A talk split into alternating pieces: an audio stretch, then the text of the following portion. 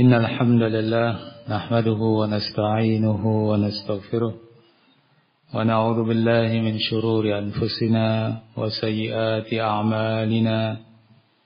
من يهده الله فلا مضل له ومن يضلل فلا هادي له. وأشهد أن لا إله إلا الله وحده لا شريك له وأشهد أن محمدا عبده ورسوله. يا أيها الذين آمنوا اتقوا الله حق تقاته ولا تموتن إلا وأنتم مسلمون.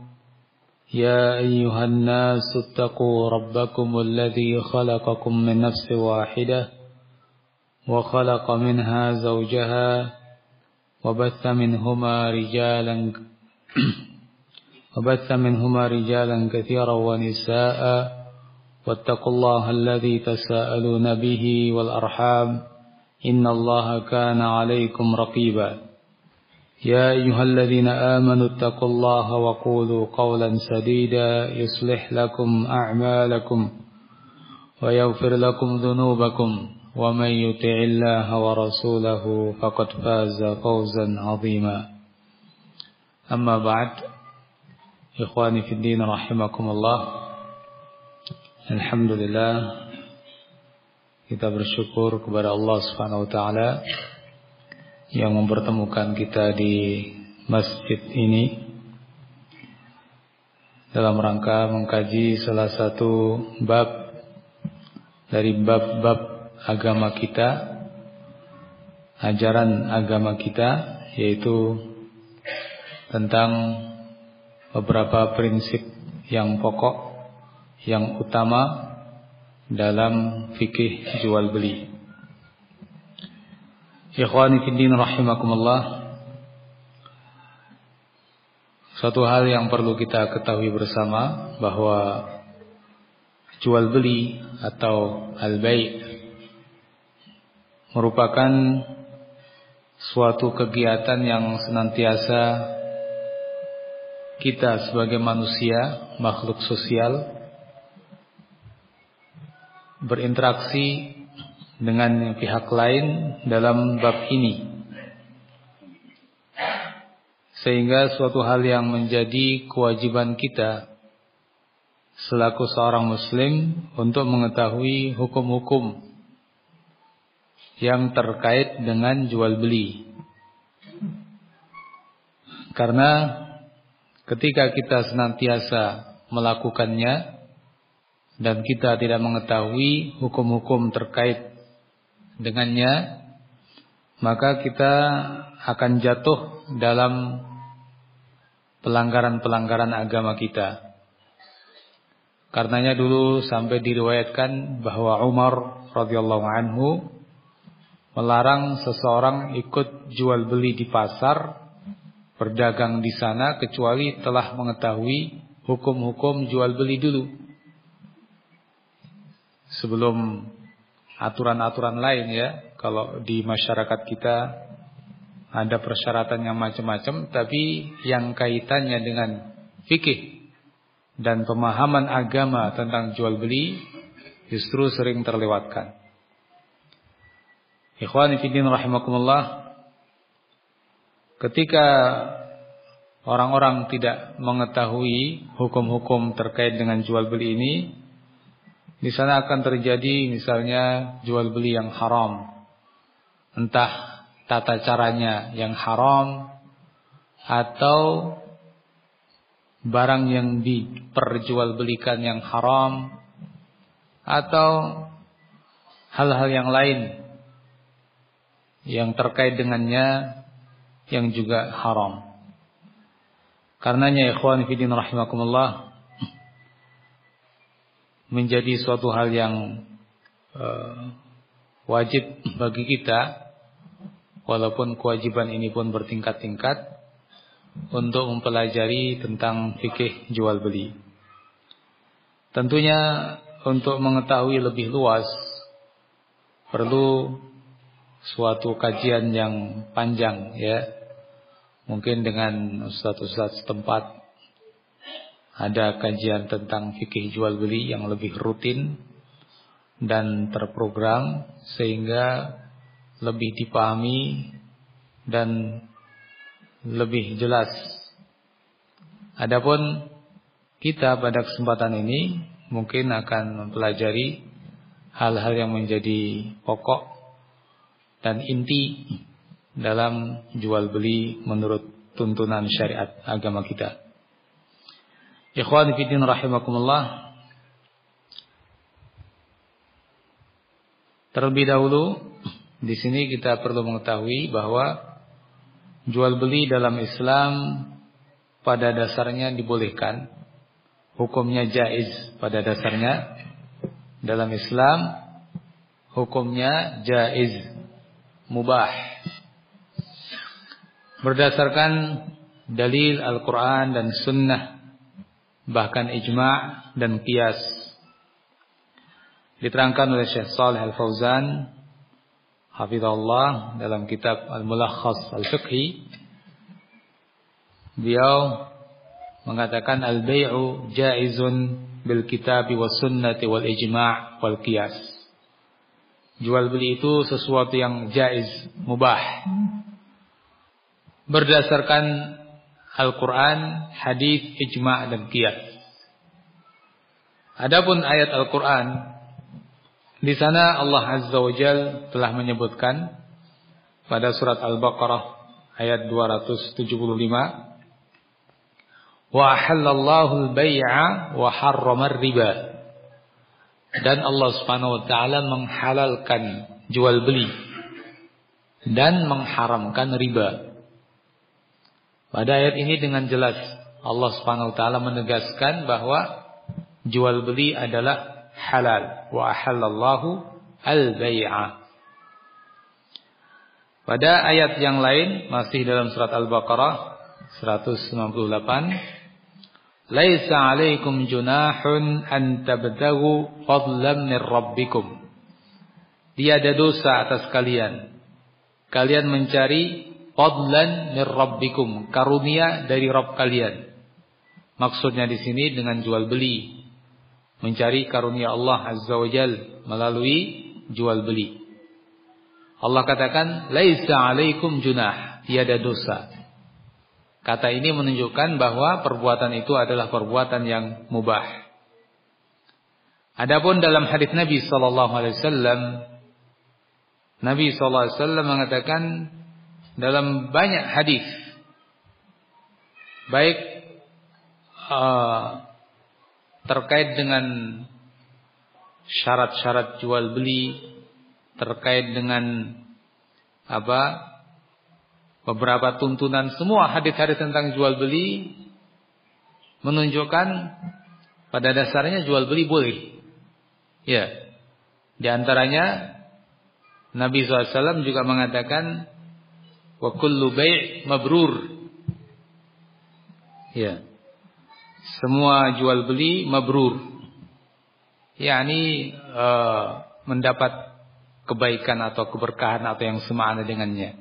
Tentunya jual beli yang sesuai dengan tuntunan agama, sesuai dengan bimbingan Nabi kita Muhammad alaihi salatu wassalam. Nabi juga mengatakan al-bayyani bil khiyar ma lam yatafarraqa. Dua orang yang berjual beli mendapat hak khiyar. Nah, khiyar ini adalah hak untuk melangsungkan jual beli atau membatalkan dan ini ada pembahasan khusus tentang khiyar. Malam yatafarraqa selama kedua belah pihak belum berpisah. Fa in sadaqa wa bayyana kalau kedua pihak itu jujur dan mau menerangkan hakikat barang yang mereka jual Burika lahuma fi bai'ihima.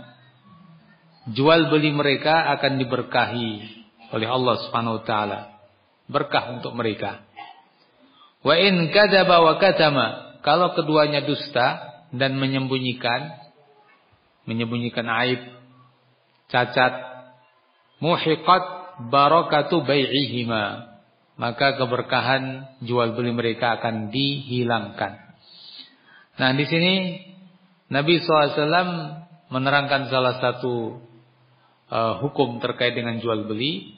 Yang jelas di sini kaitannya dengan pembahasan kita yang pertama bahwa Nabi jelas membolehkan jual beli bahkan secara tidak langsung ada anjuran dalam jual beli itu untuk melakukan jual beli dengan jujur dan itu akan diberkahi oleh Allah Subhanahu wa taala. Kalau tidak, maka keberkahan pun akan hilang. Waqad ajma'al ulama 'ala dzalika fil jumlah. Ulama pun berijma, sepakat secara global bahwa jual beli adalah sesuatu yang mubah. Adapun dari sisi kias, kata beliau, Syekh Al-Fauzan, "Anna hajatan nas da'iyatun ila wujudil bai'." Bahwa kebutuhan manusia sangat menuntut adanya jual beli. Ya. Dan seterusnya. Karena apa? Kita kadang punya barang ingin kita jual. Kita membutuhkan uang. Orang lain membutuhkan barang tersebut, ya. Dan dia punya uang untuk membelinya.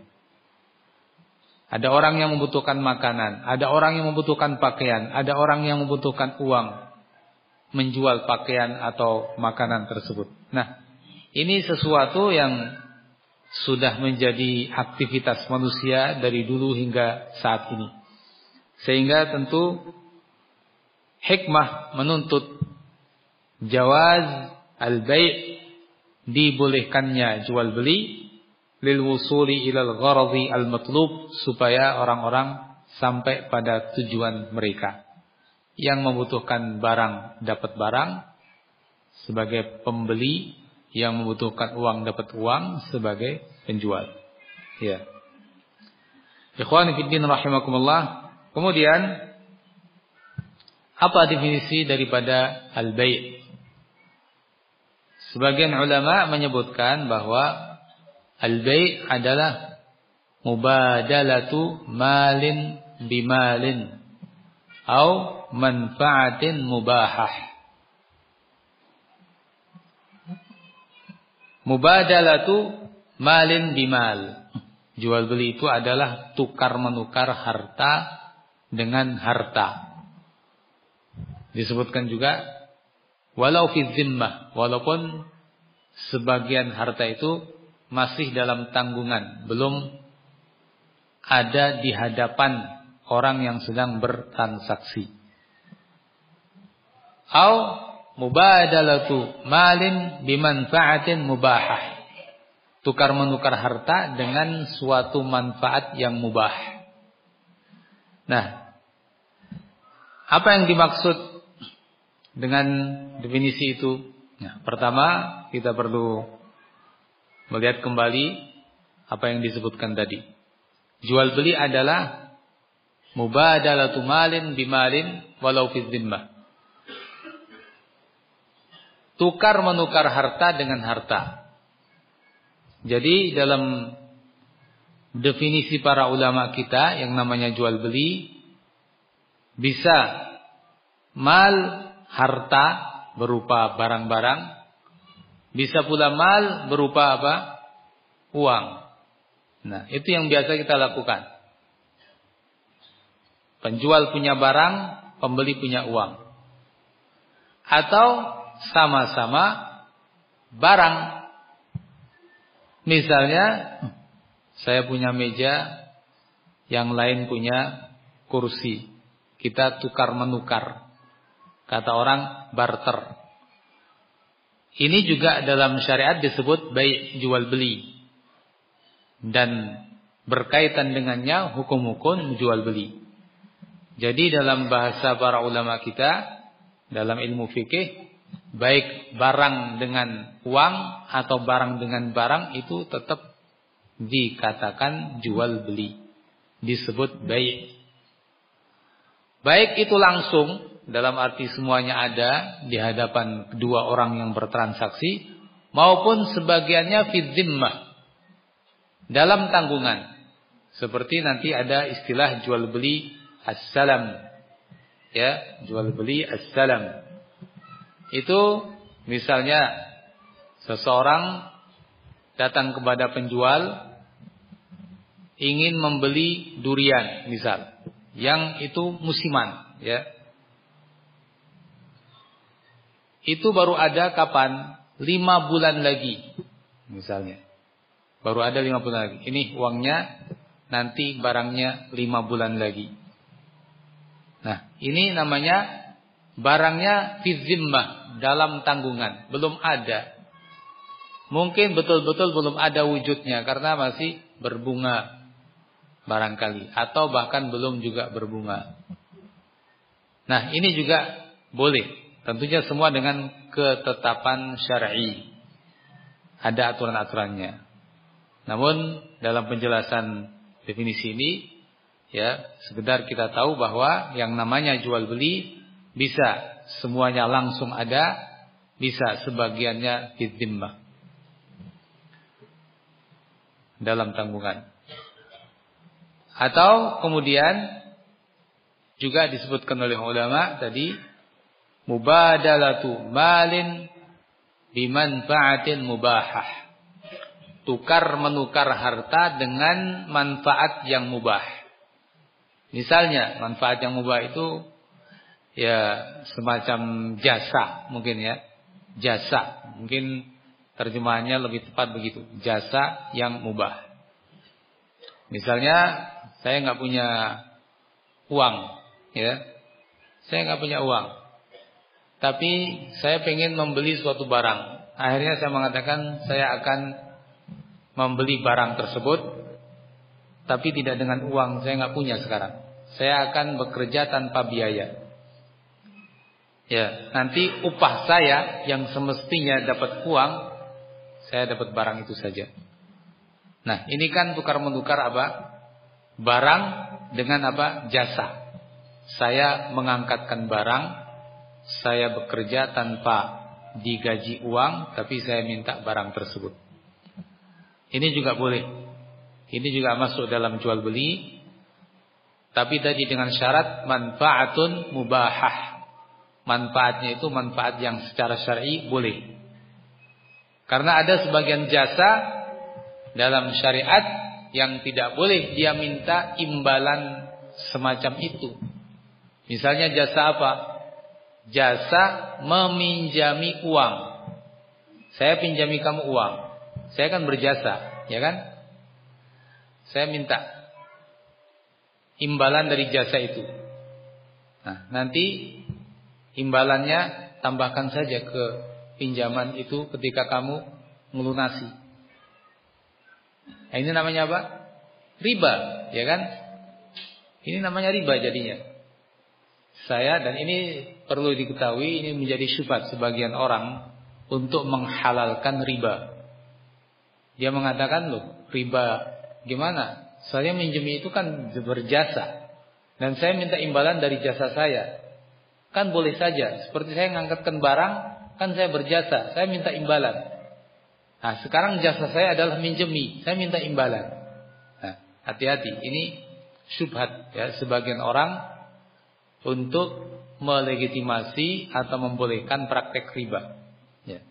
Makanya tadi dikatakan manfaat yang mubah. Dalam Islam ada manfaat yang mubah, boleh kita ambil upah dari jasa itu. Seperti tadi kita contohkan, kita membawakan barang, kita jadi cleaning service misalnya, atau yang lain. Adapun yang tidak boleh, contohnya seperti tadi, meminjami uang. Saya bisa dengan ini eh, apa?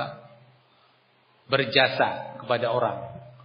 Tapi jasa ini nggak boleh kita minta imbalan darinya. Imbalannya dari siapa? Berjasa dalam bab meminjami uang imbalannya dari Allah Azza wa Jalla. Minta kepada Allah, nggak boleh minta kepada manusia. Kalau minta kepada manusia jadi riba. Ya. Makanya kata ulama bab pinjam meminjam itu istilahnya mabniun ala ar-rifaq. Jadi landasan pinjam meminjam dalam Islam itu yakni sifat apa bantu membantu sikap lemah lembut kita kepada orang untuk apa membantu saja. Bukan untuk mencari keuntungan. Nah, kembali kepada masalah kita ya. Kita belum atau tidak membahas bab riba, hanya saja di sini untuk membedakan antara manfaat atau jasa yang mubah dengan jasa yang tidak mubah. Darinya kita ambil suatu upah, ya. Jadi itulah definisi daripada jual beli, ya. Saya ulangi uh, biar fokus lagi. Definisi dari jual beli adalah mubadalatu malin bimalin walau fi tukar menukar harta dengan harta secara langsung atau sebagiannya fi ada dalam tanggungan atau mubadalatu malin bimanfaatin mubahah, tukar menukar harta dengan jasa yang mubah.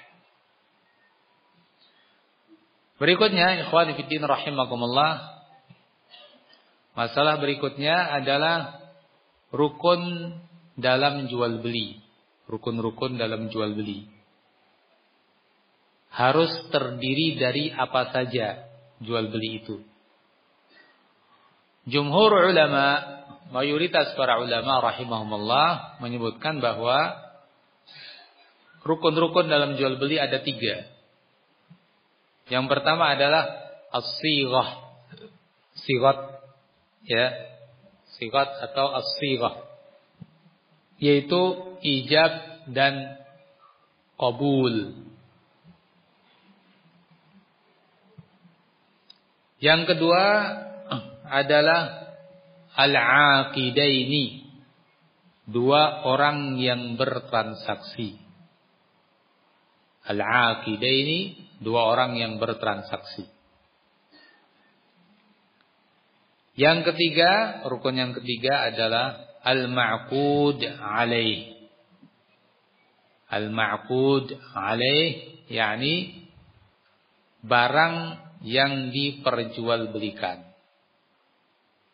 Yakni e, kalau terjemahannya ma'qud alaih yang akad itu terjatuh padanya. Itu terjemahan letterlocknya al-ma'qud alaih. Tapi kita terjemahkan barang yang diperdagangkan atau diperjualbelikan.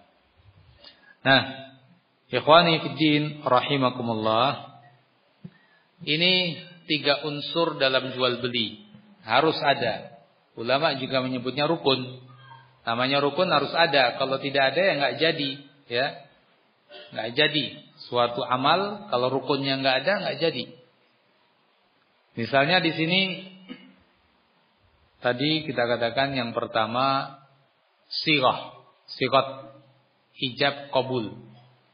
Tidak ada ijab kabul yang nggak jadi jual beli, ya kan? Barangnya ada, orangnya ada, tapi diem-diem saja, nggak ada omongan apa-apa. Ya sudah, nggak ada jual beli berarti.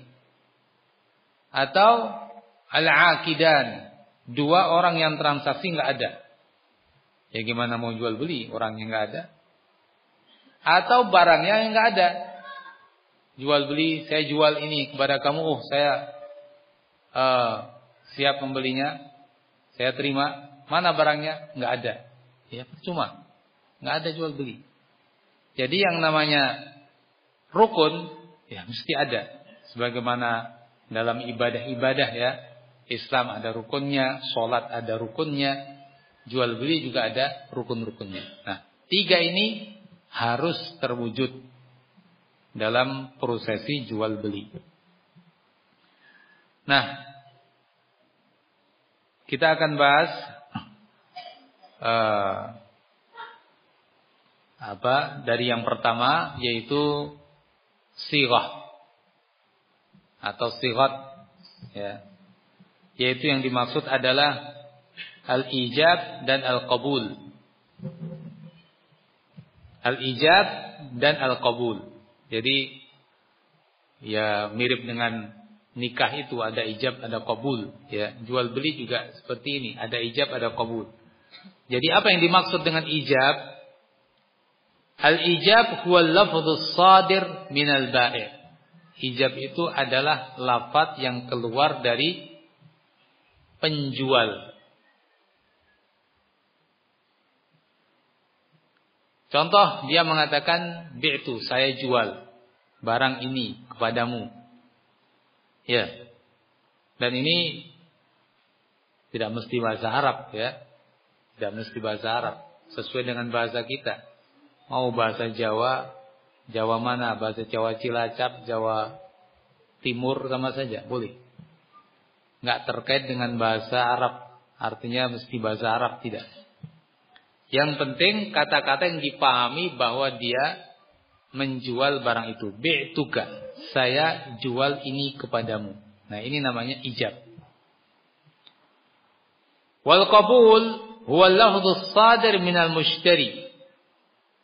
Adapun qabul adalah lafaz yang terucap oleh pembeli seperti dia mengatakan ishtaraitu Ishtaraitu minka misalnya.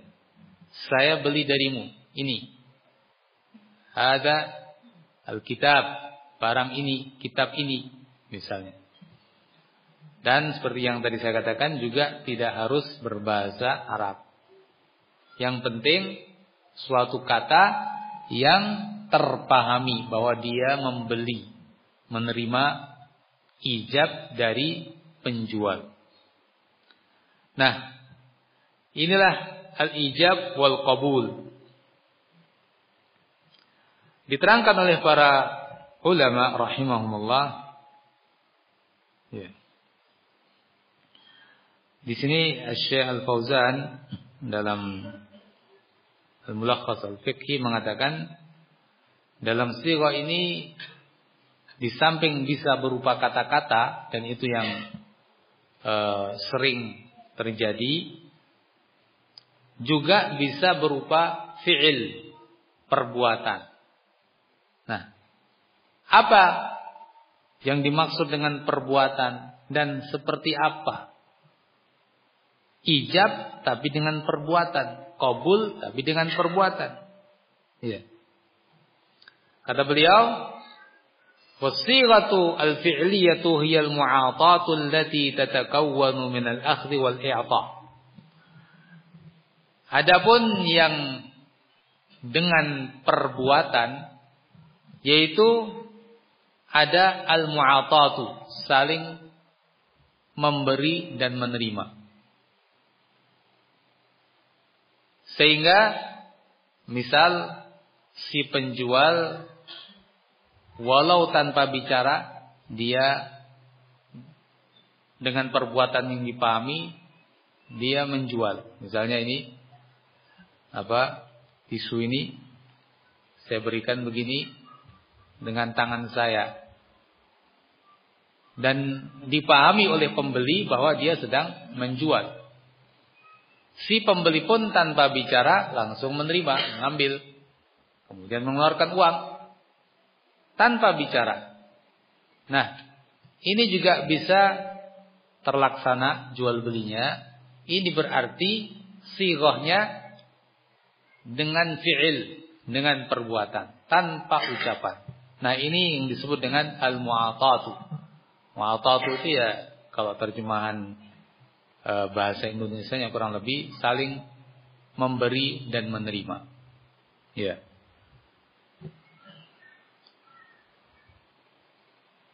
Ikhwan fillah rahimakumullah. Diterangkan oleh Syekhul Islam Ibn Taimiyah rahimahullah. Jadi kalau begitu eh, dengan penjelasan tadi ada yang dengan ucapan, ada yang dengan perbuatan. Maka untuk yang perbuatan ini punya paling tidaknya tiga gambaran. Beliau mengatakan Bai'u al-mu'atati lahu suwar. Jual beli yang mu'atah hanya e, memberi dan menerima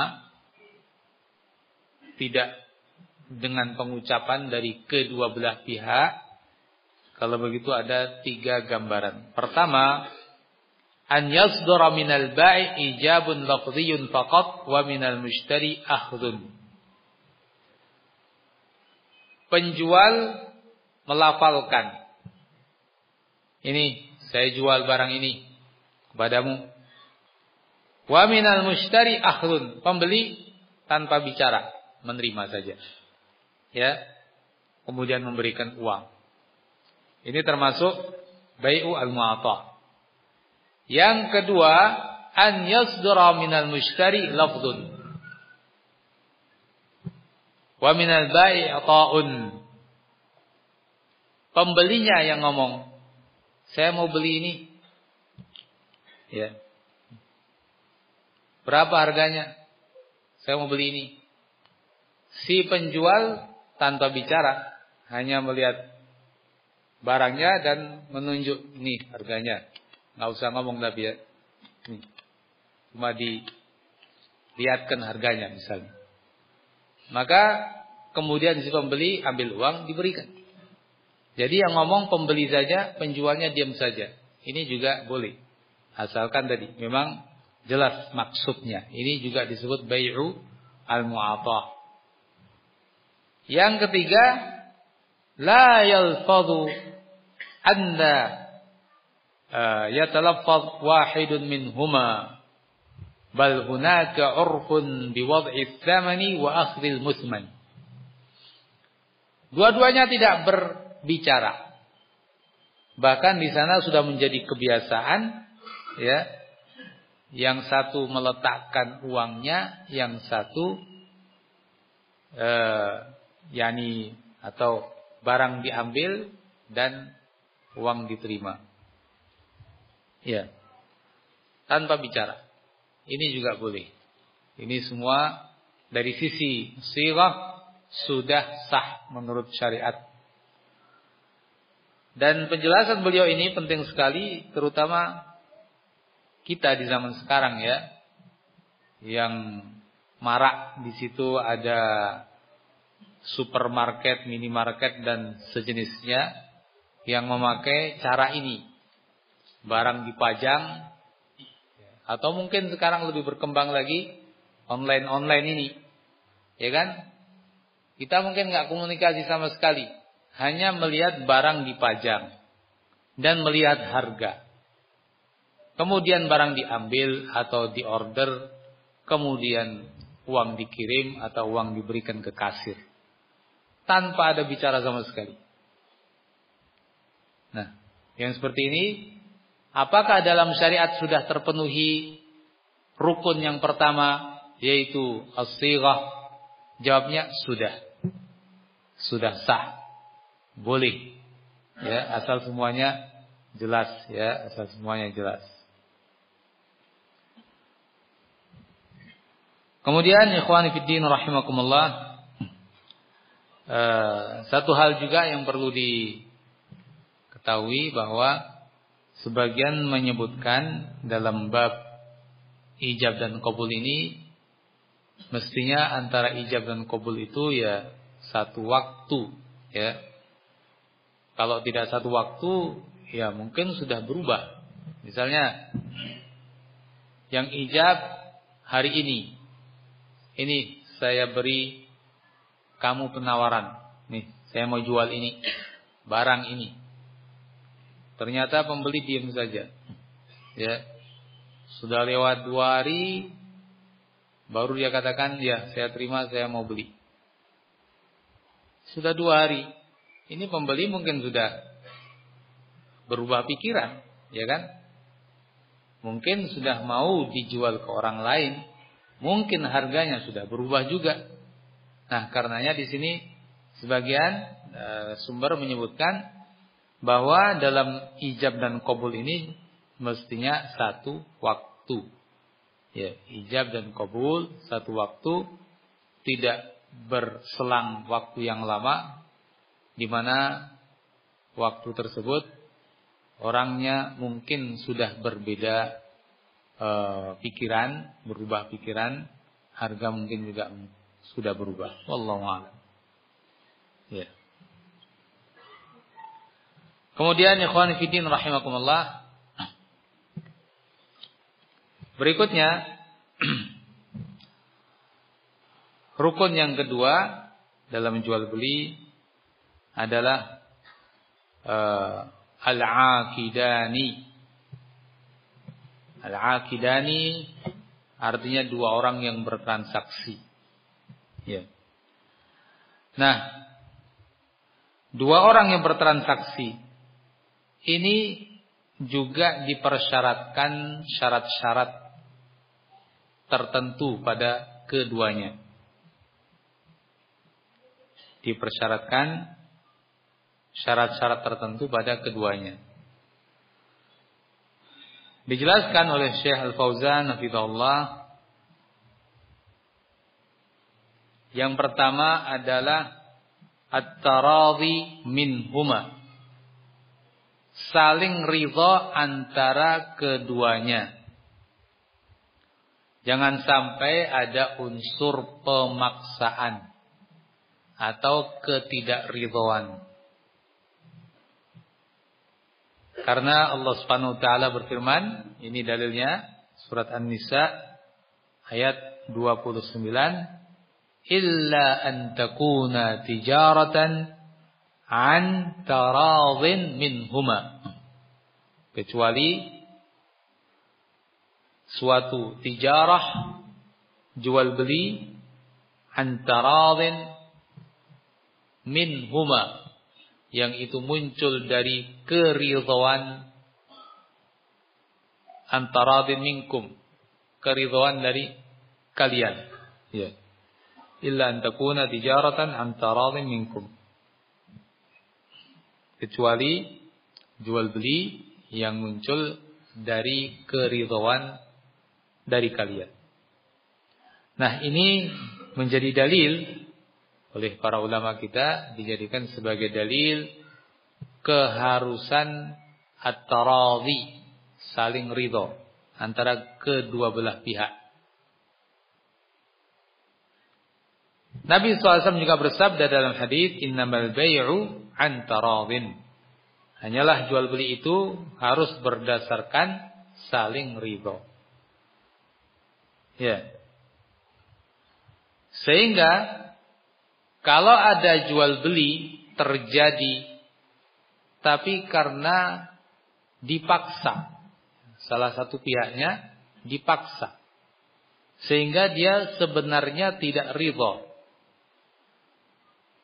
maka jual beli itu tidak sah.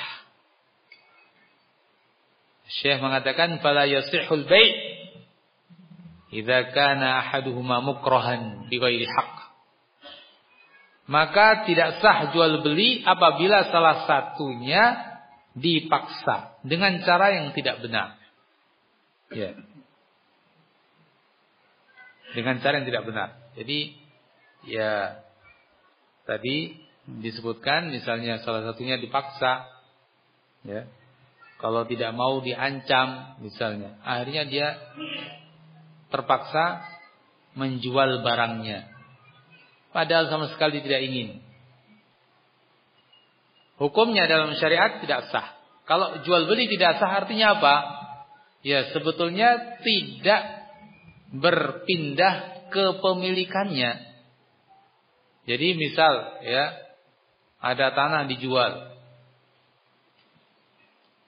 Ketika apa ditelusuri ternyata penjualnya itu dipaksa untuk menjual. Kalau tidak maka akan diintimidasi ini dan itu macam-macam. Nah, akhirnya terjual. Padahal tetap dalam e, keyakinan dia tidak mau menjual. Nah, ini berarti tidak sah. Konsekuensinya kalau tidak sah tadi. Berarti kepemilikan tidak pindah. Ya tanah tidak menjadi milik pembeli uang tidak jadi milik penjual. Nah, karena tidak sah. Jadi seandainya nanti bisa di apa rembuk kembali ya kembalikan masing-masing. Dapat miliknya yang e, asalnya. Ya tidak ada pertukaran. Begitu. Terkecuali tadi kata beliau kalau dengan hak. Makanya beliau katakan pemaksaan di ghairi haqqin. Pemaksaan yang tanpa cara yang benar. Adapun pemaksaan dengan cara yang benar, maka sah jual belinya. Bagaimana pemaksaan dengan cara yang benar itu? Misalnya, ya, tentu semuanya dengan mengacu kepada hukum syariat agama Islam. Contoh, seorang hakim atau penguasa memaksa seseorang menjual barangnya untuk melunasi utang. Ya. Jadi nanti ada dalam pembahasan apa jual beli atau muamalat ada seseorang yang misalnya terlilit utang kemudian mestinya dia sudah membayar utangnya jatuh tempo tapi dia nggak punya atau dia punya barang-barang. Maka di sini hakim bisa mengambil suatu tindakan. Masalah ini ketika diadukan kepada hakim, hakim bisa mengambil suatu tindakan. Apa tindakannya? Barang-barangnya dijual. Kalau dia nggak mau, saya masih senang barang itu tidak. Ini keputusan hakim. Kamu harus menjual barang itu untuk melunasi hak orang. Kamu utang kepada orang itu. Nah, ini kan dipaksa, ya kan? Nah, ini pemaksaan tapi bihak dengan cara yang hak ada tuntunan syar'inya. Yang melakukan pihak hakim yang secara agama memang diberi wewenang untuk melakukan demikian. Nah, ketika pemaksaan itu seperti itu, maka sah jual belinya. Ya, jual belinya sah. Kemudian berikutnya Syarat kedua Syarat kedua pada al-aqidain. Dua orang yang bertransaksi. Atau sebelum ini kita juga perlu ingat ya, kita perlu ingat terkait dengan bab kerelaan ini karena dalam Islam pada dasarnya harta seorang muslim itu kan dijaga, ya kan? Kullul muslim halal muslim haramun damuhu wa maluhu wa irduh. Tiap muslim terhadap muslim yang lain haram darahnya, hartanya dan harga dirinya. Karenanya nggak sembarangan mau memindahkan harta milik orang lain ke tangan kita. Kita akan bertentangan dengan kaidah-kaidah yang kuat dalam agama kita nggak boleh kecuali betul-betul dibolehkan oleh syariat. Ya. Nabi juga mengatakan la yahillu mal imri'in muslimin illa anti bi nafsih. Harta seorang muslim tidak halal kecuali dari kerelaan dirinya.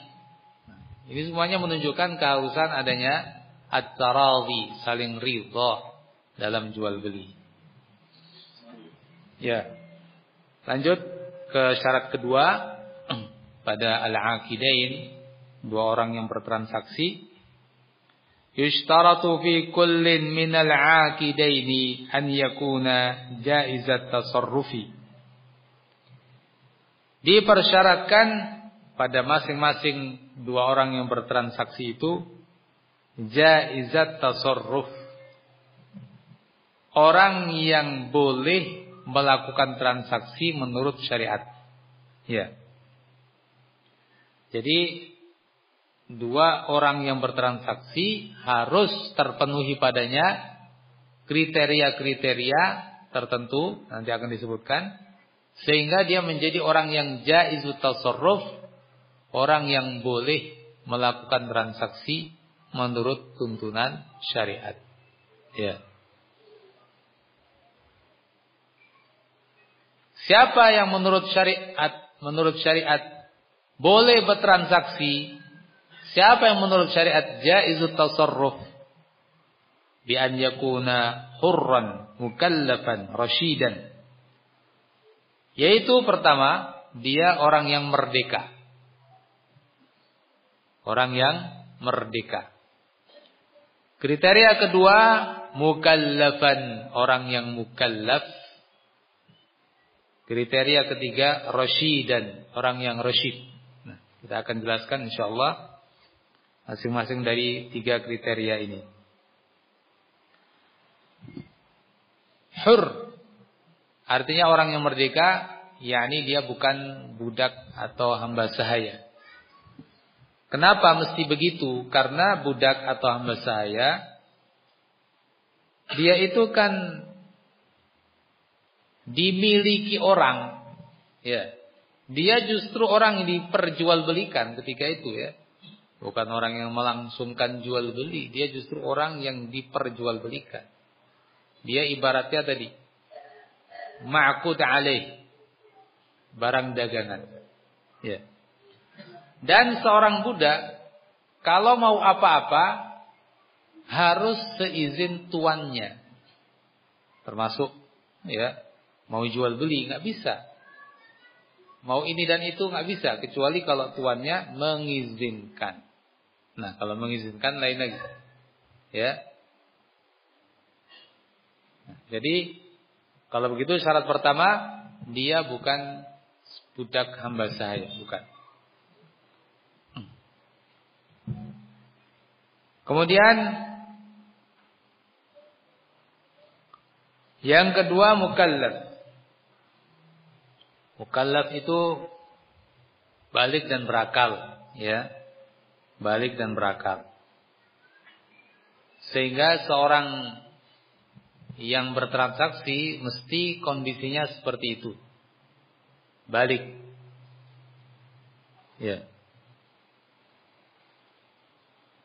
Kalau dia anak kecil, jual belinya tidak sah. Terkecuali, di sini juga ada pengecualian, jual beli yang uh, barang-barang yang sepele. Ya. Ya mungkin kalau seperti kita sekarang ini ada jajanan-jajanan ya yang murah-murah ya. Karena biasanya anak-anak kita juga langsung melakukan transaksi. Pada dasarnya orang yang transaksi harus yang mukallaf. Yakni sudah balik.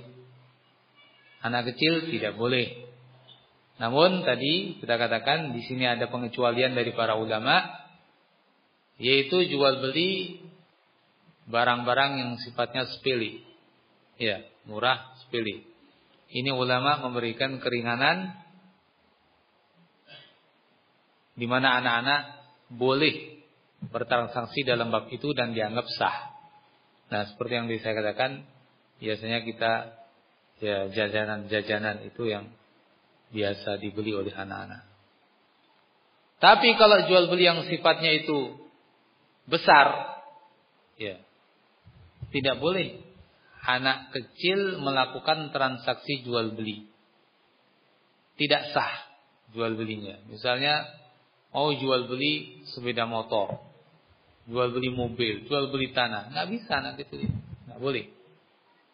Ini orang-orang yang sudah mukallaf untuk melakukan jual beli barang-barang tersebut. Ya. Kemudian juga mukallaf di samping balik ya berakal, akil. Berarti kalau dia orang yang majnun jual belinya tidak sah. Ya. Orang yang majnun orang yang gila uh, tidak punya akal yang sehat, maka jual belinya tidak sah. Ya. Jual belinya tidak sah. Kemudian syarat berikutnya atau kriteria berikutnya tadi rasyid. Rasyid. Apa yang dimaksud dengan rasyid? Rasyid itu maknanya adalah kemampuan untuk bertransaksi dengan benar atau dengan baik. Kurang lebih maknanya begitu. Bagaimana maksudnya? Maksudnya uh, dia mampu membelanjakan harta pada tempatnya. Berbeda dengan lawannya yaitu safi. Rashid lawannya safi. Akil lawannya majnun dan beberapa yang lain. Nah, Rashid lawannya Safi. Safi ini berarti yang tidak bisa membelanjakan hartanya dengan baik, dengan sewajarnya, semestinya. Ya. Misalnya dia punya uang banyak, ya. Anggap dia punya uang mungkin eh, 100 ribu misalnya. Untuk apa uang 100 ribu? Ternyata dia pakai untuk membeli semuanya dibelikan apa? Kerupuk misalnya. Buat apa kamu beli kerupuk 100 ribu itu buat apa? Lain kalau antum kerja bakti beli kerupuk ya untuk bareng-bareng itu lain. Memang tujuannya itu. Tapi ini anak kecil ya diberi uang 100 ribu nggak ngerti mau buat apa beli kerupuk semua Nah, ini kan sia-sia. Ini namanya zafi. Dia belum rasyid. Makanya dalam ayat Al-Quran, ketika seorang wali yatim, kemudian ingin memberikan harta peninggalan orang tuanya kepada si yatim itu harus diuji dulu. Fa'in anastum minhum rushdan fadfa'u ilaihim amwalahum. Kata Allah, kalau kalian sudah mendapatkan pada anak-anak yatim itu rushd, sifat rasyid, maka berikan harta peninggalan orang tuanya. Dia sudah bisa membelanjakan dengan baik. Nah, perlu diuji. Nah, diuji di antaranya dengan tadi. Dikasih uang. Coba mau buat apa uangnya. Kalau uang tadi, anggap contoh 100 ribu. Dia, wah 100 ribu buat apa ini saya? Banyak banget dia simpan. Dia beli seperlunya, beli permennya berapa, beli kerupuk ya berapa, yang lain disimpan. Lain hari perlu baru beli lagi. Oh berarti dia sudah apa? Roshid. Nah baru nih bapakmu meninggalkan uang sekian. Kamu sudah bisa memegangnya pegang. Nah ini Roshid. Jadi disebutkan di sini seorang yang bertransaksi dia harus punya kriteria Rashid ya. Kembali saya ulangi, orang itu jaizu tasarruf secara syar'i sebagai orang yang boleh melakukan transaksi, yaitu pertama orang yang merdeka bukan budak hamba saya, kedua dia mukallaf, orang yang sudah terbebani hukum, balik berakal, ketiga dia adalah rasyid yaitu tidak safih ya rasyid tidak safih kemudian yang ketiga syarat ketiga pada al-aqidain dua orang yang melakukan transaksi Ishtaratu fi kullin min al-aqidaini an yakuna malikan lil ma'qudi alaih au qa'iman maqama maliki. Dipersyaratkan bagi masing-masing orang yang bertransaksi yaitu dia memiliki barang yang dijadikan objek transaksi. Memiliki barang yang dijadikan objek transaksi. Au qa'iman maqama malikihi atau dia mewakili pemiliknya. Ya. Jadi ini ada dua. Pertama, disyaratkan dia memiliki. Yang kedua, mewakili orang yang memiliki. Nah, insya Allah jelas ya. Kalau memiliki memang, misalnya dia memiliki sebuah motor, dia jual motor itu milik siapa? Milik saya bukan milik orang lain. Atau dia lakukan jual beli itu milik siapa motornya? Memang bukan milik saya, tapi saya sudah dipercaya untuk menjualnya oleh pemiliknya. Ya. Saya dipasrahi untuk menjualnya. Nah, ini juga boleh. Tapi kalau tidak dua-duanya miliknya ya bukan, ya, dia dipasrahi juga tidak. Maka dia nggak boleh melakukan jual beli. Masa itu motor banyak saya jual itu? Ya nggak bisa ya kan. Saya tertuduh pencuri nanti. Ya. Nauzubillah min dzalik. Apa syarat? Apa dalilnya? Syarat ini dalilnya adalah sabda Rasulullah sallallahu la tabi' ma laisa indak.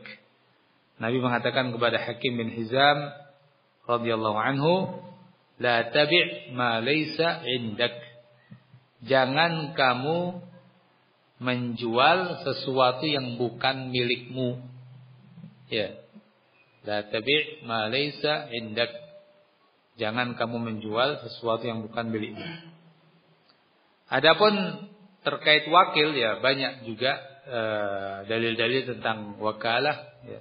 Jadi orang yang mewakili itu Nabi sendiri pernah memerintahkan sahabat untuk berjual beli. Artinya dia mewakili Nabi SAW dalam jual beli. Ya. Dikatakan oleh Al-Wazir, ittafaqu ala annahu la yajuzu bai'u ma laysa 'indahu wala fi milkihi thumma yamri fayashtarihi lahu wa annahu batil. Ulama sepakat bahwa tidak boleh seseorang menjual sesuatu yang tidak dimilikinya. Kemudian dia uh, yamdi fayashtari lahu. Ya. Artinya dia menjual sesuatu yang bukan miliknya, bertransaksi tanpa perwakilan dari yang punya harta tersebut. Wa annahu batil dan bahwa perbuatan ini Berarti jual belinya batil. Jual belinya batal, tidak sah. Ya. Baik, jadi ini tiga syarat ya pada al-aqidain orang yang bertransaksi yang mesti terpenuhi saat mereka bertransaksi. Kemudian berikutnya jadi kita sudah e, mengambil Penjelasan pertama, rukun pertama yaitu sirah. Rukun yang kedua yaitu apa? Al-aqidan, dua orang yang bertransaksi. Sekarang tinggal rukun yang ketiga yaitu apa? Al-ma'qud alaihi.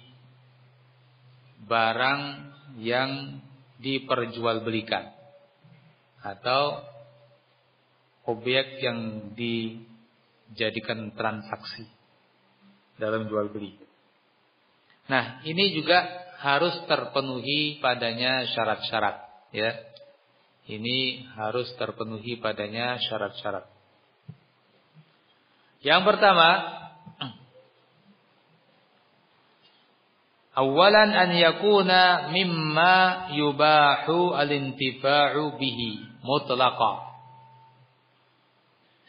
An yakuna hendaknya barang tersebut mimma yubahu lintifa'u bihi mutlaqa. Sesuatu yang boleh dimanfaatkan secara mutlak. Tentu boleh dimanfaatkan di sini menurut syariat ya. Bukan boleh dimanfaatkan menurut tradisi orang, menurut pandangan sebagian orang tidak, tapi boleh dimanfaatkan menurut syariat. Ya. Contohnya apa yang boleh dimanfaatkan? Ya banyak sekali. Alhamdulillah Allah berikan kelapangan kepada kita. Dan yang tidak dibolehkan hanya terbatas dalam lingkup yang sangat kecil. Apa yang boleh dimanfaatkan? Ya banyak. Buah-buahan nggak terhitung. Ya.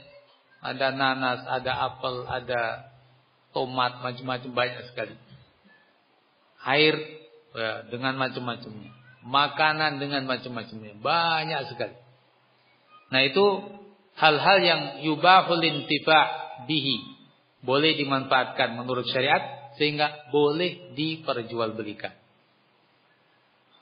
Nah, kalau begitu lawannya sesuatu yang tidak boleh dimanfaatkan secara syariat tidak boleh diperjualbelikan. Contohnya apa? Nah, kalau ini contohnya sangat terbatas. Misalnya apa? Khamr. Boleh nggak memanfaatkan khamr? Ya nggak boleh, haram. Berarti tidak boleh jual beli khamr. Sekalipun rukun pertama terpenuhi, ijab kabul ada. Sekalipun rukun kedua terpenuhi, yang akad sudah jaizu tasarruf. Orang yang boleh bertransaksi menurut syariat. Tapi barangnya ya, ma'qud alaih, barang yang dijadikan transaksi adalah barang yang haram diambil manfaatnya. Maka tidak boleh jual beli padanya. Ya. Contoh yang lain apa? Khinzir, babi. Boleh dimanfaatkan? Enggak boleh. Berarti enggak boleh jual beli khinzir. Jangan seperti sebagian orang ya, ya karena kurang taunya bab hukum ya. Ini yang tadi saya katakan, kita harus belajar hukum. Kalau enggak kita salah. Orang-orang pelihara apa? Khinzir. Naudzubillah ternyata yang memeliharanya sebagiannya orang Islam, Muslim. Kalau ditanya loh, kenapa kamu pelihara itu? Ya, saya kan nggak makan, saya kan pelihara jual sudah selesai. Saya nggak makan, yang makan tuh orang kafir. ya, itu alasan sebagian mereka seperti itu. Nah, perlu kita ketahui jual belinya juga nggak boleh. Karena ini haram dimanfaatkan, maka haram diperjualbelikan. Nabi SAW bersabda dalam hadis, Inna Allah idha harrama akla syai' harrama alaih samanu. Atau harrama samana. Ya, Inna Allah idha harrama akla syai' harrama samanahu. Atau kama qala sallallahu alaihi wasallam. Ya. Hadis riwayat Abu Dawud. Bila Allah Azza wa Jalla mengharamkan makan sesuatu Allah pun mengharamkan hasil penjualannya. Jadi ketika diharamkan babi, maka diharamkan jual beli babi. Diharamkan minum khamr, diharamkan hasil penjualan khamr. Begitu seterusnya. Ya. Contoh yang lain apa? Ya, patung misalnya. Ya, patungnya patung makhluk bernyawa. Ya. Ini kan tidak boleh.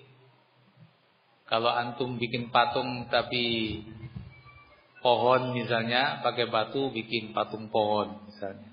Ya boleh saja karena tidak ada larangan dalam syariat. Yang dilarang adalah patung makhluk bernyawa. Ya.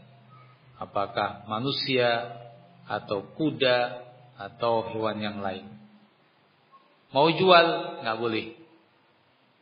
Karena ini barang tidak boleh dimanfaatkan ya, bahkan mesti di apa? Di apa? Ya, dipotong kepalanya. Paling tidak begitu. Ya. Supaya tidak berbentuk makhluk bernyawa. Begitu pula contoh yang lain al-maitah bangkai. Bangkai haram. Haram dan najis. Nggak boleh kita memanfaatkan bangkai. Maka kita juga tidak boleh memperjualbelikan bangkai. Ya. Bagaimana kalau bangkai ikan paus? Boleh nggak? Nah, boleh karena ikan bangkainya halal. Bagaimana kalau bangkai belalang? Boleh karena bangkai belalang dibolehkan halal. Gimana kalau bangkai ayam? Ya tidak boleh. Bangkai ayam haram. Nah, begitu seterusnya, ya.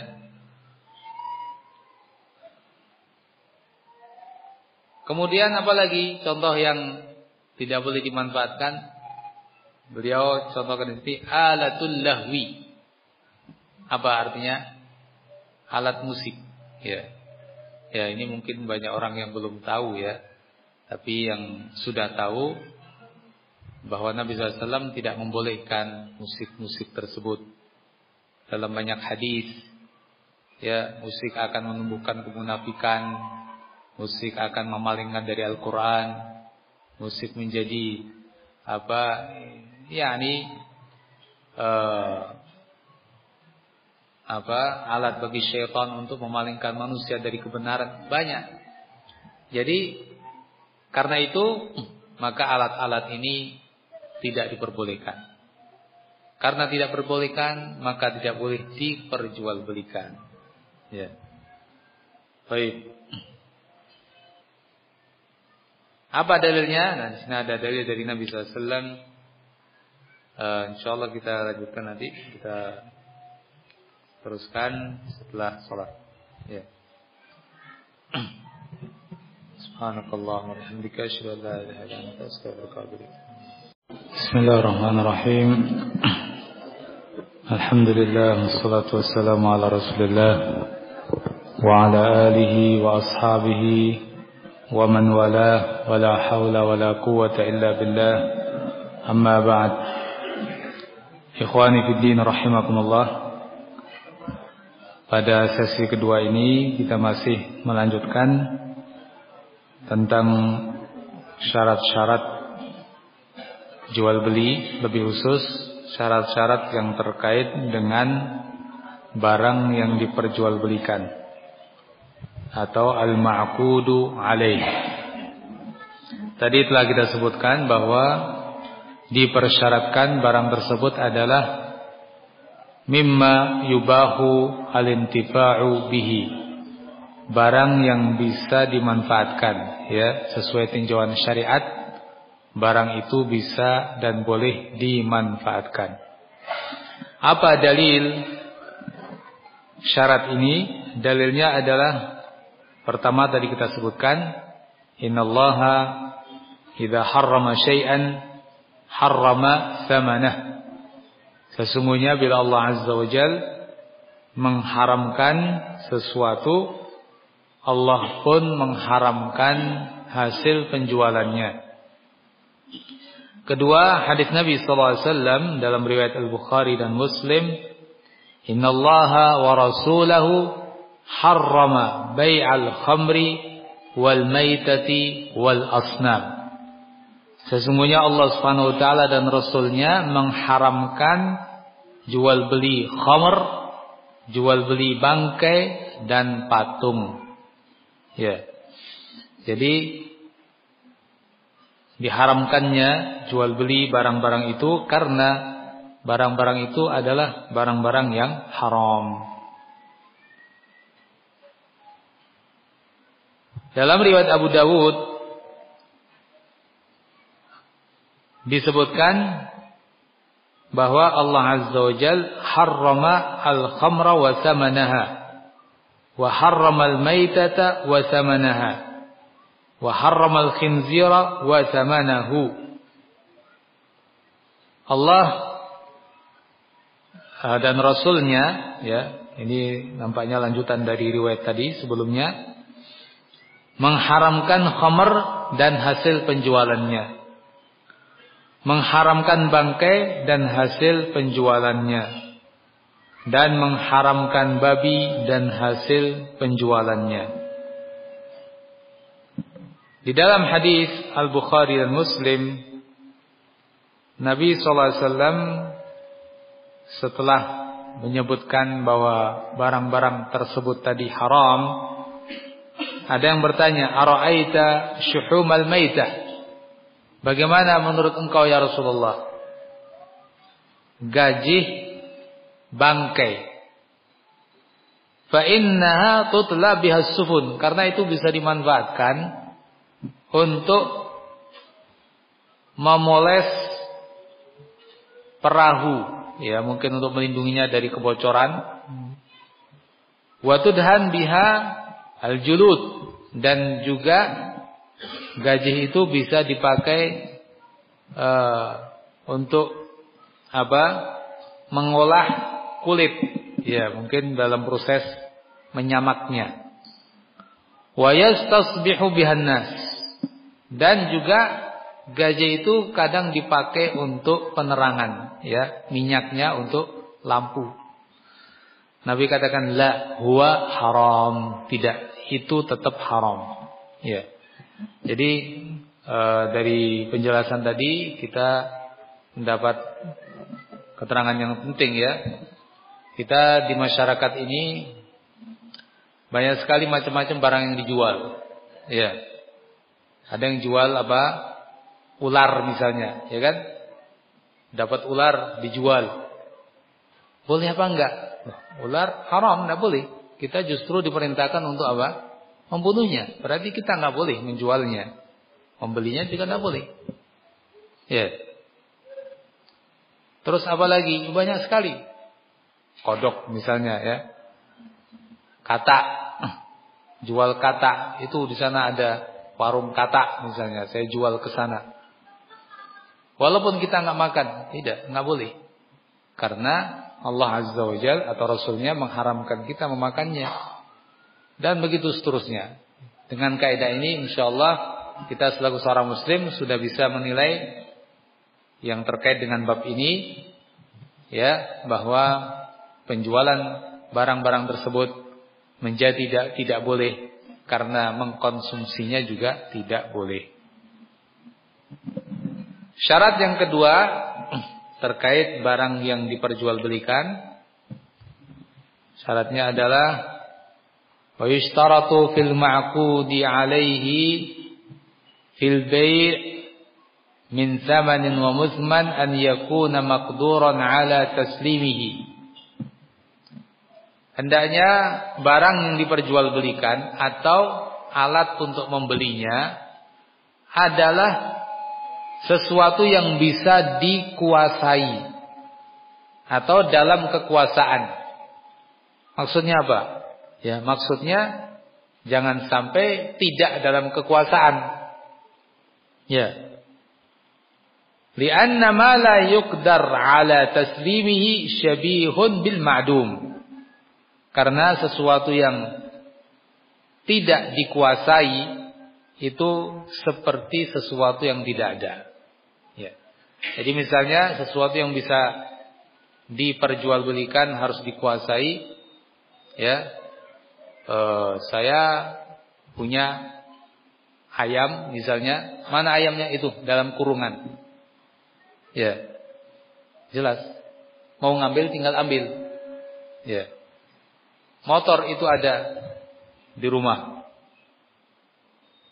Nah, ini barang sudah dalam kekuasaan kita. Begitu pula uang yang kita mau pakai membeli. Mana uangnya ini? Ada di kantong.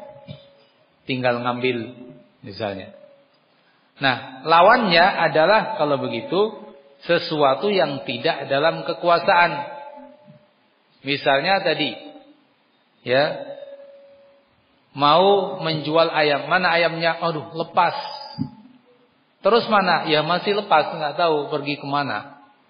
Nanti juga pulang. Nah, iya kalau pulang, kalau enggak, iya kan? Jadi menjual barang yang tidak dalam kekuasaan nggak boleh. Dan ini juga nanti banyak sekali macamnya. Ternyata di masyarakat kita juga banyak terjadi hal-hal yang seperti itu. Kalau dulu ulama sering mencontohkan misalnya budak yang sedang lari.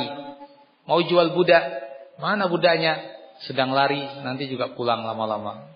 Ya, nggak mesti pulang. Atau uh, fil hawa, burung yang sudah terbang. Kita punya burung, mana burung yang mau dijual? Tadi baru lepas. Ya, nggak bisa dijual. Ya, tangkap dulu baru dijual. Nah, sekarang zaman sekarang juga kadang uh, jual ikan suruh ngambil sendiri. Ada nggak? Ya sebagian pancingan-pancingan tuh kan gitu ya. Beli ikan dipancing. Bisa nggak mancing kita? Ya belum mesti bisa. Dapat nggak? Belum mesti dapat. Ya. Saya nggak katakan semua pancingan ya. Pemancingan. Kadang ada sebagian modelnya seperti itu beli sekian suruh ngambil sendiri ya ternyata nggak bisa membayar nah ini uh, seperti yang tadi disebutkan berarti menjual sesuatu yang belum dalam kekuasaan. Ya, ini juga bahkan kalau dalam pemancingan itu sepertinya ada unsur perjudian juga di sebagiannya. Ya. Ada unsur perjudian di sebagian yang dipraktekan. Ya, sudah bayar sekian, entah dapat berapa, entah dapat entah enggak, yang penting kalau mancing di sini bayar sekian. Dapat mungkin besar, dapat mungkin kecil, dapat banyak atau sedikit nggak tahu nggak jelas. Nah ini tidak boleh yang seperti ini. Ya, ini tidak diperbolehkan. Atau misalnya tadi saya mau beli, mana uangnya? Uang saya sedang dipinjam orang. Ya, diutang sama orang. Orangnya mana? Itu di sana. Yang orangnya dikenal nggak pernah bayar utang. Ya, gimana kamu uangnya dipegang sama orang, orangnya itu lagi yang biasanya nggak pernah bayar utang. Nggak bisa. Ini jadi barang atau uang yang kita pakai ternyata tidak dalam kekuasaan. Nah, makanya di sini baik uangnya yang mau kita pakai membayar atau barang yang mau kita beli harus makdur ala taslimihi. Ya, bisa diserahkan dengan uh, semestinya, ya, dalam kekuasaan, begitu. Kalau tidak, maka tidak bisa. Kemudian berikutnya termasuk di sini makanya Nabi juga melarang uh, kita menjual barang sebelum barang itu kita kuasai. Dan ini sering terjadi juga ya. Kita di uh, pesani barang. Kita sendiri bukan produsen. Kita juga ngambil dari orang. Ya. Kita iakan ya sudah, ya. Ya. Kita beri dari orang belum kita kuasai langsung kirim ke sana. Nah, belum kita kuasai barang itu. Ketika dikirim oleh pihak produsen ke pembeli kita, mungkin sampai, mungkin enggak. Ya, mungkin rusak, mungkin enggak rusak. Enggak jelas. Makanya dilarang. Kita menjual sesuatu sebelum kita kuasai. Kita kobet dulu, kita kuasai dulu, baru kita jual. Ya. La tabi' ta'aman hatta tastawfiyah, kata Nabi sallallahu Jangan kamu jual makanan sampai kamu kuasai dulu. Begitu juga barang-barang yang lain. Jadi eh, dilarangnya kita menjual sesuatu yang belum kita kobet, belum kita kuasai disebabkan karena syarat ini belum terpenuhi. Barang itu belum dalam kekuasaan kita yang artinya bisa kita serahkan atau mungkin tidak bisa kita serahkan. Ya. Syarat yang ketiga Yushtaratu fi samani wal muthman an yakuna kullun minhuma ma'luman indal muta'akidain. Dipersyaratkan baik barang yang diperjualbelikan maupun yang dipakai membeli baik itu uang atau juga barang dipersyaratkan keduanya maklum diketahui indal muta'akidain menurut atau oleh kedua orang yang bertransaksi. Ya. Jadi masing-masing tahu barang yang mau saya beli apa. Ya, seperti apa, bagaimana, berapa jumlahnya harus diketahui. Begitu pula si penjual ketika menjual mau dibeli berapa kalau berupa uang berapa nominalnya? Kalau berupa barang juga, barter juga mesti tahu seperti apa, apa, berapa, ya. Ini suatu hal yang harus. Kalau tidak, maka akan terjadi ya semacam uh, apa penipuan ya Di situ akan ada goror. Goror itu ketidakjelasan untung maupun ruginya. Mungkin untung, mungkin rugi. Ini goror. Dan Nabi SAW melarang naha an bai'i al-gharar. Nabi melarang jual beli al-gharar. Yaitu yang belum jelas untungnya atau ruginya. Nah, karena ini maka baik barang yang diperjualbelikan maupun yang dipakai membeli harus jelas oleh kedua belah pihak. Ya.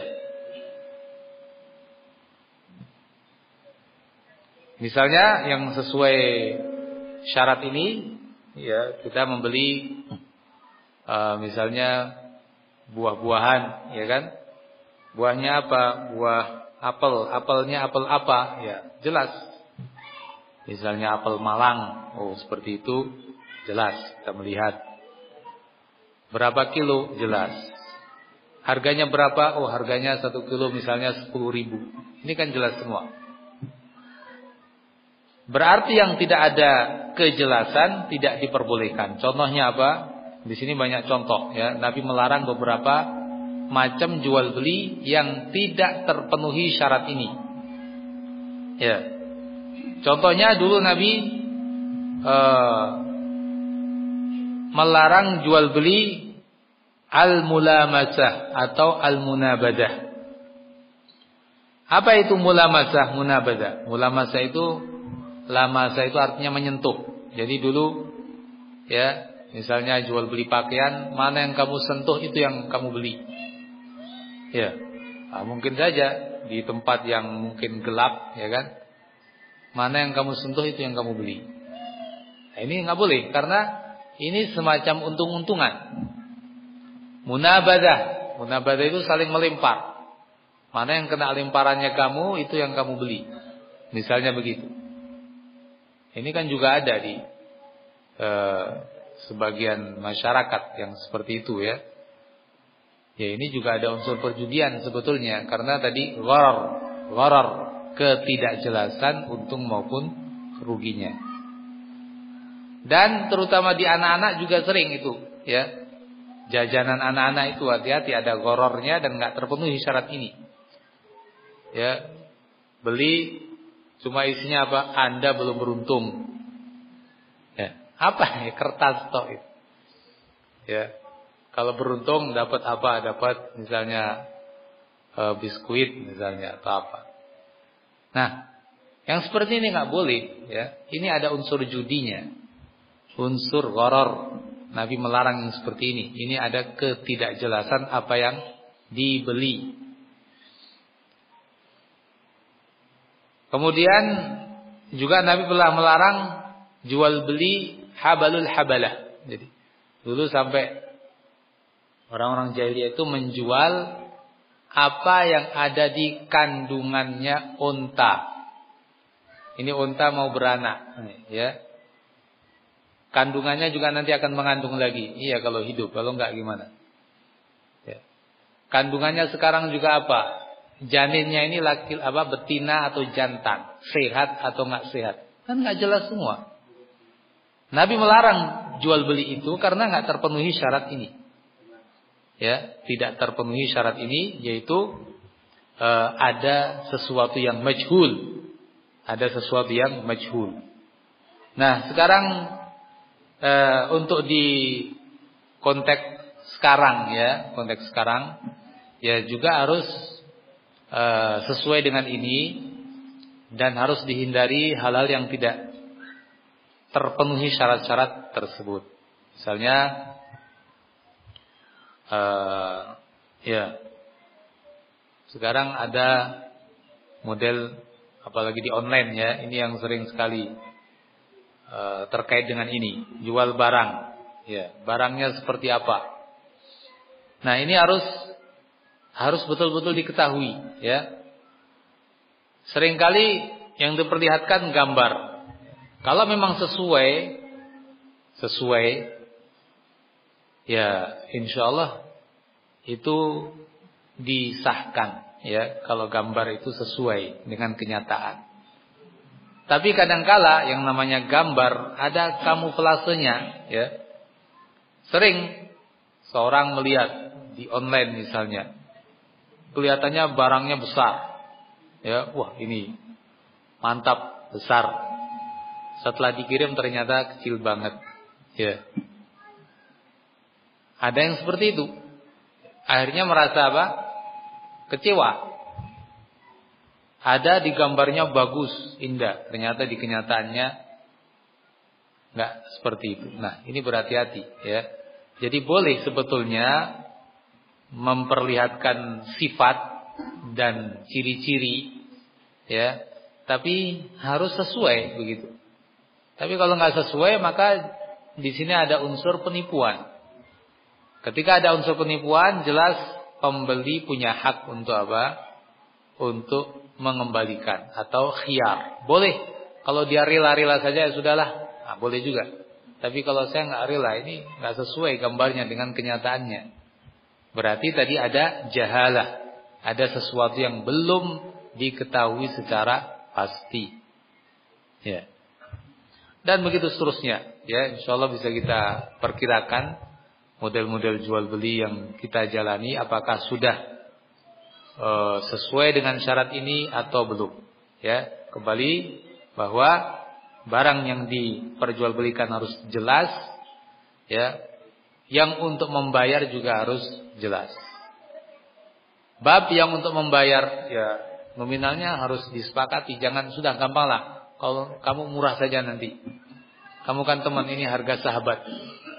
Harga sahabat itu berapa? Kan gitu. Tahu-tahu sudah percaya harga sahabat ternyata setelah mau diminta, loh kok mahal? Ini sahabat lama. Sekarang sudah bukan lagi sahabat. Ya. Jadi yang seperti itu jangan, ya. Yang seperti itu jangan. Kenapa? Karena ketidakjelasan. Kita perlu kejelasan supaya tidak terjadi perselisihan. Supaya tidak terjadi perselisihan. Hukum-hukum yang kita sebutkan tadi juga menyangkut bab ini ya menghindarkan dari perselisihan di antara kaum muslimin. Banyak sekali terjadi keributan, permusuhan yang itu sebabnya adalah jual beli yang tidak mengikuti tuntunan syar'i.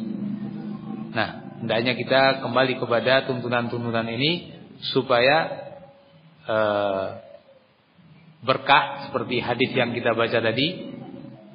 Apa? Burika lahuma fi bai'ihima diberkahi jual beli mereka berdua dan jauhi sesuatu yang bertentangan dengan agama supaya kita tidak kehilangan berkah tersebut. Karena kalau tidak sesuai maka akan dicabut keberkahan. Nah, termasuk yang terakhir ini teringat bab cacat ya, cacat pada barang. Nah, harus dijelaskan kalau cacat itu memang cacat yang punya pengaruh, ya, punya pengaruh pada nilai barang itu. Artinya dengan cacat itu akan mengurangi harga. Maka penjual harus menerangkan. Jangan diam-diam saja ketika si pembeli tidak tahu. Ya. Ini yang tadi disebut dalam hadis. Ketika keduanya saling menjelaskan maka Allah akan berkahi. Tapi ketika keduanya menutup-nutupi maka akan dihilangkan berkahnya. Nah ini terkait dengan aib cacat pada barang. Dan ini terkait dengan syarat yang terakhir ini bahwa barang itu harus diketahui benar sehingga yang beli pun sudah betul-betul plong tahu betul apa yang dia beli. Penjual pun ketika melepas dan dapat uang dari hasil penjualannya juga sudah long ya lega tidak ada sesuatu yang mengganjal. Dan insya Allah dengan itu akan diberkahi. Wallahu a'lam bishawab. Ya mungkin ini beberapa prinsip-prinsip pokok dalam jual beli. Sesungguhnya ya seperti yang saya katakan di awal, jual beli membutuhkan waktu yang panjang pembahasannya. Ya karena di sana untuk perincian dan penjabaran daripada syarat-syarat tadi banyak. Ya, karenanya dengan kita mengkaji lebih uh, mendetail kita akan lebih paham jual beli dalam Islam. Di sana nanti ada bab yang terkait dengan tadi perjudian. Di sana ada bab yang terkait dengan riba. Banyak macam.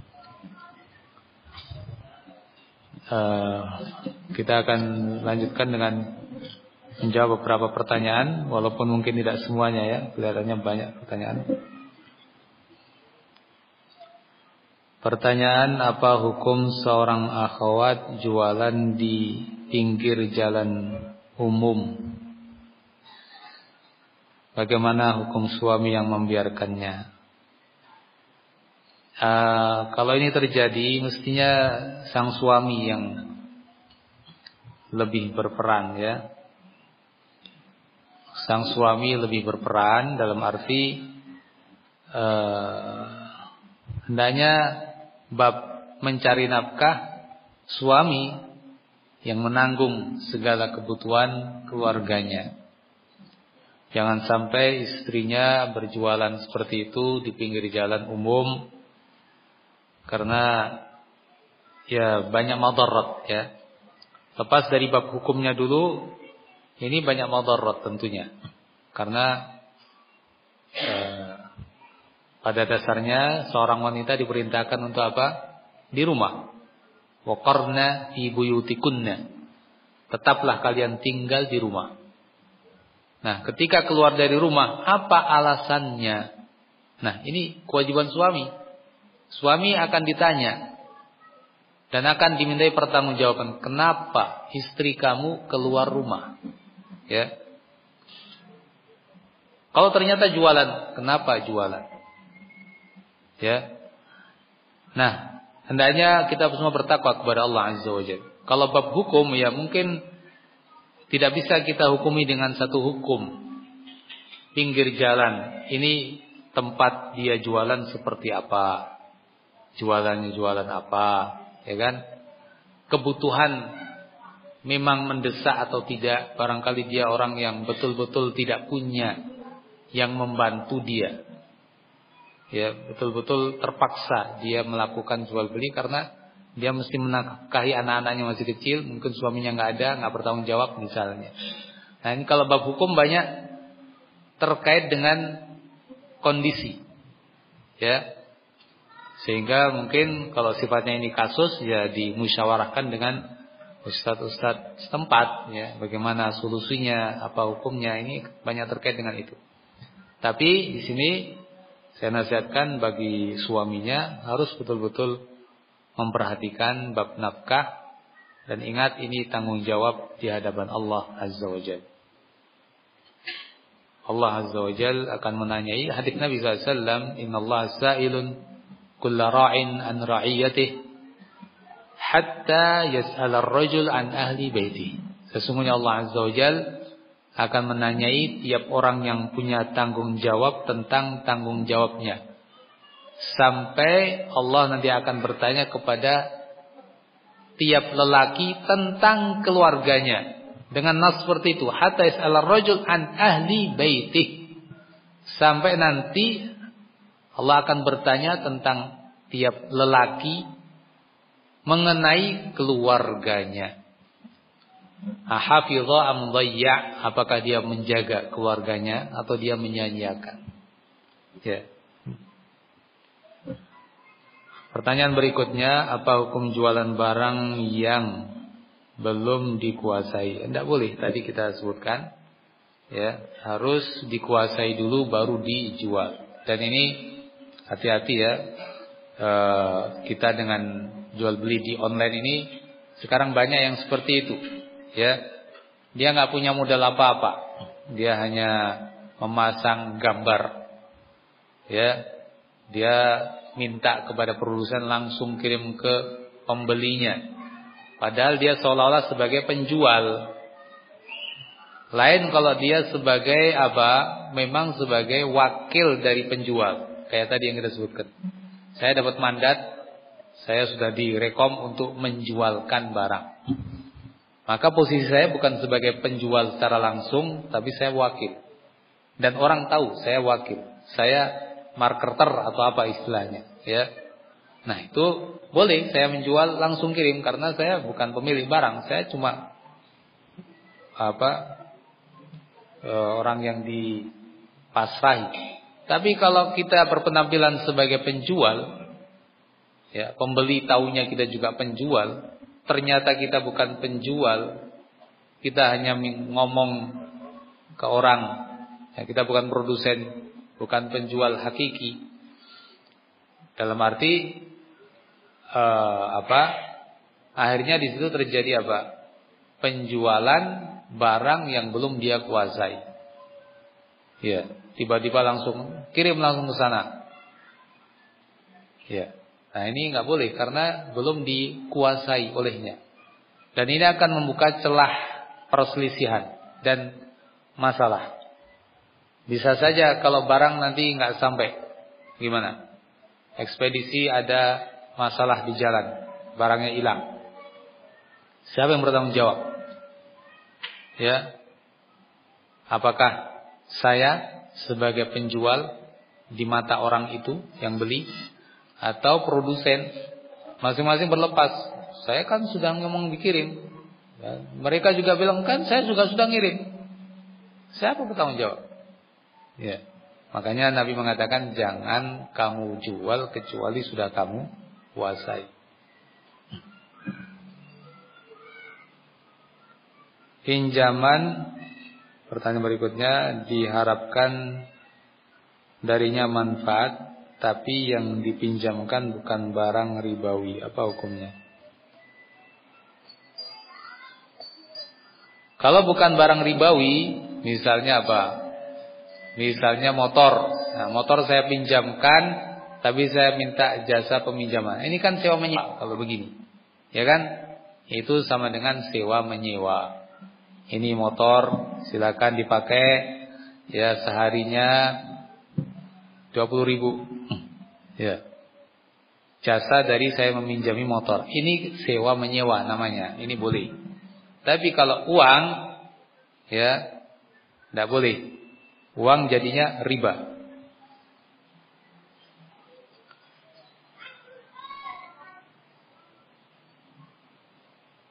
Apa hukumnya jasa titip? Maksudnya apa? Titip jualan itu. Misalnya ya atau apa? Ini belum jelas atau titip apa? Misalnya titip motor, ya parkiran, begitu. Ya tidak apa-apa itu boleh. Atau titip barang dagangan di toko. Nanti setiap penjualan satu buah ya diberi 500 rupiah. Ya, boleh, nggak apa-apa, asal sesuai kesepakatan.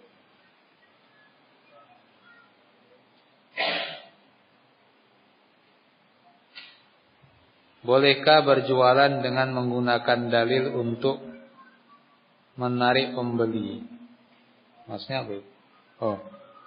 Menggunakan dalil untuk menarik pembeli. Contoh madu dan susu dengan dalil keduanya dianjurkan Rasulullah. Ya berhati-hati ya jangan sampai kita menggunakan ayat atau hadis untuk melariskan dagangan. Jangan sampai seperti itu. Tapi kalau misalnya ya bukan maksudnya itu, ya murni kita menerangkan manfaat suatu barang ya bahwa madu ini sangat bermanfaat karena ini ini ini. Tapi kita nggak ada maksud untuk promosi jualan. Ya boleh saja karena kita menerangkan hakikat suatu e, manfaat ya dalam hadis. Tapi kalau ada unsur untuk melariskan, nah ini Jangan, ini tidak boleh ya seperti itu. Ini sangat terkait dengan bab niat ya.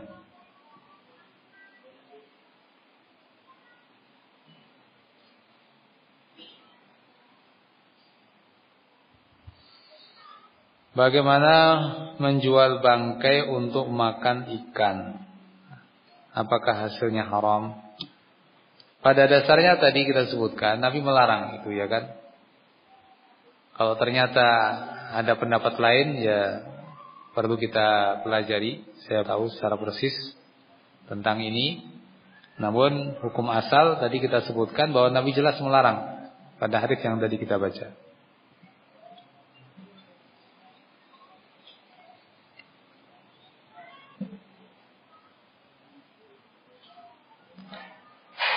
Apakah hadiah bagi guru yang berasal dari muridnya haram berdalil dengan hadi tentang hadiah bagi pejabat. Kalau dimaksud guru itu kalau kita ya semacam pegawai negeri ya yang memang artinya mereka mendapat gaji dari pemerintah. Nah, ya nampaknya juga tidak boleh yang seperti ini ya mendapat hadiah dari murid karena khawatir akan punya pengaruh ya yang tidak baik dalam arti misalnya nanti kecurangan dalam memberi nilai dan lain-lain. Tapi kalau guru yang itu ya istilahnya bukan ya istilahnya eh, semacam di maat-maat ini kan wallahu alam itu bukan pegawai negeri ya. Gaji pun ya sebetulnya sepertinya bukan gaji ya. Sepertinya bukan gaji. Kalau kita melihat kenyataan Allah alam seperti itu ya. Nampaknya berbeda dengan yang dimaksud dengan hadis yang tadi kita baca karena ya pernah kita sampaikan kepada sebagian syekh tentang hal ini dan nampaknya pandangannya tidak disamakan dengan yang seperti pegawai negeri itu ya beda dengan kondisi yang kita ketahui bersama tentang para guru di ma'ahid yang ya ibaratnya kayak mirip dengan kerja bakti lah, mirip.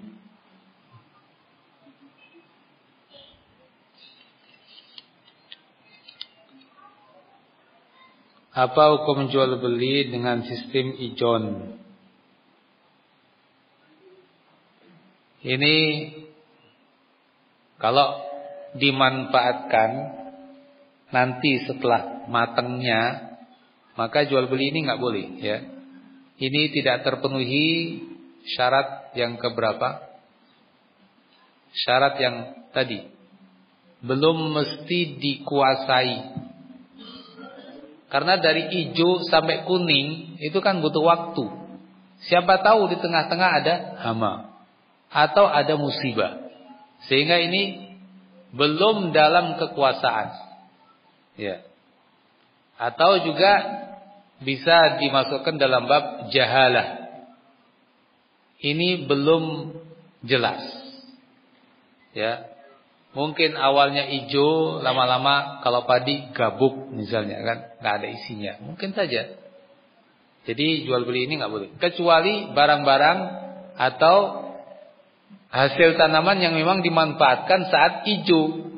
Misalnya Allah alam jagung jagung itu kan ada kan yang untuk sayur kan memang belum keluar jagungnya ya kan dijual memang kondisi itu untuk masakan sayur e, macam-macam lah. Tapi yang jelas dimanfaatkan dengan kondisi yang seperti itu akan dipanen segera. Nah yang seperti ini nggak tidak apa-apa. Tapi kalau Ijon ya yang terpahami model yang pertama itu. Nggak boleh.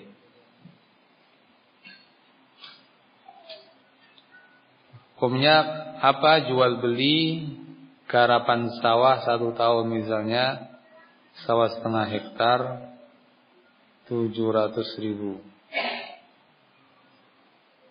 Jual beli garapan sawah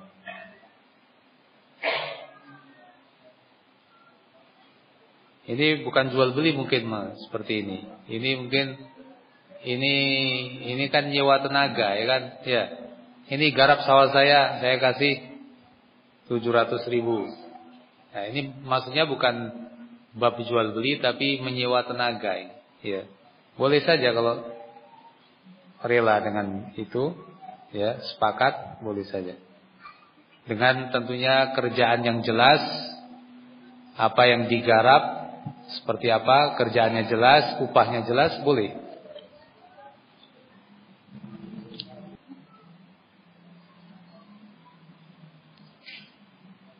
Ini tentang usaha, investasi. Mohon bimbingan terkait investasi atau sistem bagi hasil yang disyaratkan. Ya ini perlu penjelasan yang cukup panjang ya. Insya Allah nanti Ustaz setempat bisa menjelaskan tentang hukum-hukum seputar syirkah atau investasi atau mutorobah atau yang semakna dengannya.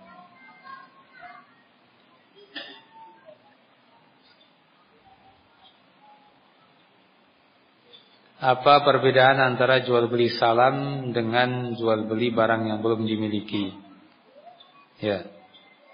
Perbedaan pertama perbedaannya bahwa ini pengecualian ya dari penjualan barang yang belum dimiliki. Jadi secara umum Nabi katakan nggak boleh. Seolah-olah beliau katakan kecuali salam itu. Seolah-olah begitu. Nah, terus salam ini dibolehkan kenapa? Karena memang dibutuhkan oleh manusia pada umumnya dengan syarat-syarat yaitu timbangannya jelas, ya, waktunya jelas. Tentu harganya juga jelas dan uangnya dibayar di muka. Ya.